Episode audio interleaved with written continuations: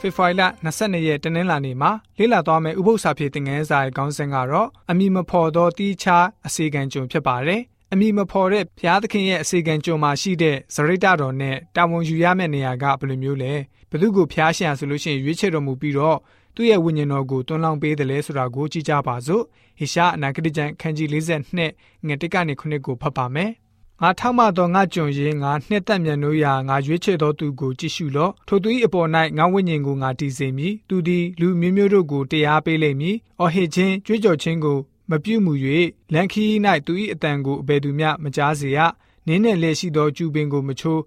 အတောက်သေးသောမိစာကိုမတက်တရားသည်မြင့်မြတ်ခြင်းသို့ရောက်မည်အကြောင်းစီရင်လိမ့်မည်မြေကြီးပေါ်မှာတရားတော်ကိုမတည်စေမည်တွင်အာမလျော့စိတ်လည်းမပြေရ သူဤတရားကိုလည်းတကြွတနိုင်ငံသားတို့သည်မျှော်လင့်ကြလိမ့်မည်မိုးကောင်းကင်ကိုဖန်ဆင်း၍ကြက်တော်မူထသောမြေကြီးနှင့်မြေကြီးထဲကဖြစ်သမျှတို့ကိုခင်းကျင်းတော်မူထသောမြေကြီးပေါ်မှရှိသောသူတို့အားအသက်ကို၎င်းမြေကြီးကိုကြော်နှင်းသောသူတို့အားဝိညာဉ်ကို၎င်းပေးတော်မူသောဖျားသခင်ထတော်ဖျားမိန်တော်မူသည်ကငါထတော်ဖျားသည်တင့်ကိုတရားသဖြင့်ခေါ်ထားသည်ဖြစ်၍လက်ဆွဲလျက် ထောက်မှမည်တင်သည်ကမ်းသောမျက်စိတို့ကိုဖွင့်စိမ့်သောငါ၎င်းချုပ်ထားသောသူတို့ကိုလွှတ်စိမ့်သောငါ၎င်းမှောင်မှိုက်၌နေသောသူတို့ကို အမိုက်ထောင်ထဲက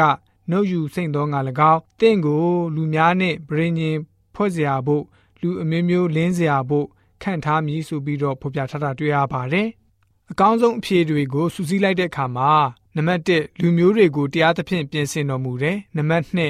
မိမိရဲ့လူရပန်းနိုင်ကိုပြည့်စုံအောင်နူးညံ့တိမ်မွေးစွာလှုပ်ဆောင်တော်မူတယ်။ဒါပေမဲ့အောင်မြင်တယ်။နံပါတ်3သူဟာဆရာတစ်ပါးဖြစ်တယ်နံပါတ်4သူရဲ့လှုပ်ဆောင်ချက်ကတော့ဖျားရှင်နဲ့သူ့ရဲ့လူမျိုးအကြားမှာထားရှိတဲ့ brain အတိုင်းဖြစ်ပါတယ်နံပါတ်5သူဟာအလင်းတော်နဲ့မျှော်လင့်ချက်ကိုပေးပြီးတော့မျက်စိကန်းတဲ့သူတွေကိုပြန်ပြီးတော့မြင်စေတယ်ဖန်သွားချုပ်ထားခြင်းခံရတဲ့သူကိုလွတ်မြောက်စေတယ်နံပါတ်6ခုနကဖော်ပြလိုက်တဲ့အလုပ်အားလုံးကိုလှုပ်ဆောင်နေဆိုတဲ့အရာတွေပဲဖြစ်ပါတယ် အစီကံရဲ့စရိတာနဲ့တည်နေရတဲ့တာဝန်ကိုရေရှဲရဲ့အငုတ်ကနေထွက်လာတဲ့အညှောက်နဲ့နှိုင်းရှင်ထားပါတယ်နောက်ပြီးသူ့အပေါ်မှာဖျားရှင်ရဲ့ဝိညာဉ်တော်ဟာတည်နေတော်မူတယ်ဆိုပြီးတော့လည်းပဲဖော်ပြထားပါတယ်။ဟေရှာအနာဂတိကျမ်းခန်းကြီး42မှာဖော်ပြသလိုဒါဝိမင်းရဲ့အုပ်ဆိုးခြင်းအကြောင်းရေးသားတဲ့ဟေရှာအနာဂတိကျမ်းခန်းကြီး7ဟာဖျားသခင်ရဲ့စိတ်တော်နဲ့တွေ့ပါတယ်။တရားမျှတမှုကိုပြင်ဆင်ပြီးတော့ဖိနှိပ်ခြင်းခံရတဲ့သူတွေကိုကယ်နှုတ်ခဲ့ပါတယ်။ ဖျားသခင်ရဲ့ပညာဉာဏ်နဲ့လည်းပြည့်စုံတဲ့သူဖြစ်ပါတယ်။အဲ့ဒီထွက်လာတဲ့အညှောက်ဟာအတက်ယာကုပ်ရဲ့အငုတ်ကနေဆင်းသက်တဲ့မရှိရပဲဖြစ်ပါတယ်။ဖျားရှင်ပေးသနာတဲ့သူငယ်တော်ဖြစ်ပါတယ်။ဒါဝိမင်းကြီးရဲ့နိုင်ငံတော်နဲ့ပလင်တော်အတွက်ညီသက်ချင်းကိုပေးစွမ်းတဲ့အရှင်လည်းဖြစ်ပါတယ်။တရားမျှတမှုနဲ့ဖြောင့်မတ်ခြင်းကိုလည်းပဲယူဆောင်လာပါတယ်။ဟေရှာအနာဂတိကျမ်းခန်းကြီး9ငွေ9ဟေရှာအနာဂတိကျမ်းခန်းကြီး42မှာအစီကံကျွန်ဟာဆိုလို့ရှိရင်မေရှိယအရှင်သခင်ပဲဖြစ်ပါတယ်။ ရှမသက်ခရစ်ခန်းကြီး7ဟာဟေရှာအနာဂတိကျမ်းခန်းကြီး42ကိုကိုးကားပြီးတော့ယေရှုရှင်ယောဂကုသပျောက်ကင်းစေတဲ့အမှုတော်အကြောင်းကိုရေးသားခြင်းဖြစ်ပါတယ်။ဖျားသခင်ရဲ့ချစ်တဲ့သားတော်သူအဖင်ဖျားရှင်ဟာဝမ်းမြောက်တော်မူတယ်။ဖျားရှင်နဲ့သူ့ရဲ့လူမျိုးတွေကြားမှာထားရှိတဲ့ဗြိဉ္ဉ်အတိုင်းအမှုတော်ကိုပြန်လည်တိဆောက်လှုပ်ဆောင်ပေးတဲ့သူဖြစ်ပါတယ်။ယေရှုရှင်နဲ့တပည့်တော်တွေဟာတရားမျှတတဲ့အလုပ်ဖြစ်တဲ့နာမကျန်းတဲ့သူတွေကိုတက်တာစေတယ်ဒုက္ခရောက်နေတဲ့သူတွေကိုလွတ်ငင်းခွင့်ပေးတယ်ဖျားရှင်ကို လစ်လူရှုတဲ့သူတွေကိုပြန်ပြီးတော့ဆွဲခေါ်တယ်နတ်ဆိုးညှင်းဆဲခံရတဲ့သူတွေကိုချမ်းသာခွင့်ပေးတယ်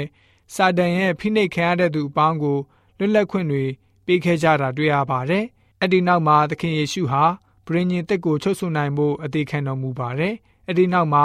စာတန်ကိုစကြဝဠာကနေအပြီးနှင်ထုတ်ပြီးတော့တရားမျှတမှုကိုပြသဖို့ဖြစ်ပါတယ်။ စာတန်ဟာတိုင်းတစ်ပါးလူမျိုးဖြစ်ပြီးတော့အတင်းဝင်ရောက်ပြီးတော့ချဲလဲအုပ်ချုပ်မှုပြုလုပ်နေပါတယ်။လောကကိုအစိုးရတဲ့မင်းဖြစ်ပါတယ်။သူ့ရဲ့အမှုတော်ဆောင်ရွက်ခြင်းဟာဆိုလို့ရှိရင်အနာဂတ်ကိုပြည့်စုံစေခဲ့ပါတယ်။ကျွန်တော်တို့ယဉ်ကျေးသူများအနေနဲ့လည်းပဲယေရှုခရစ်တော်လို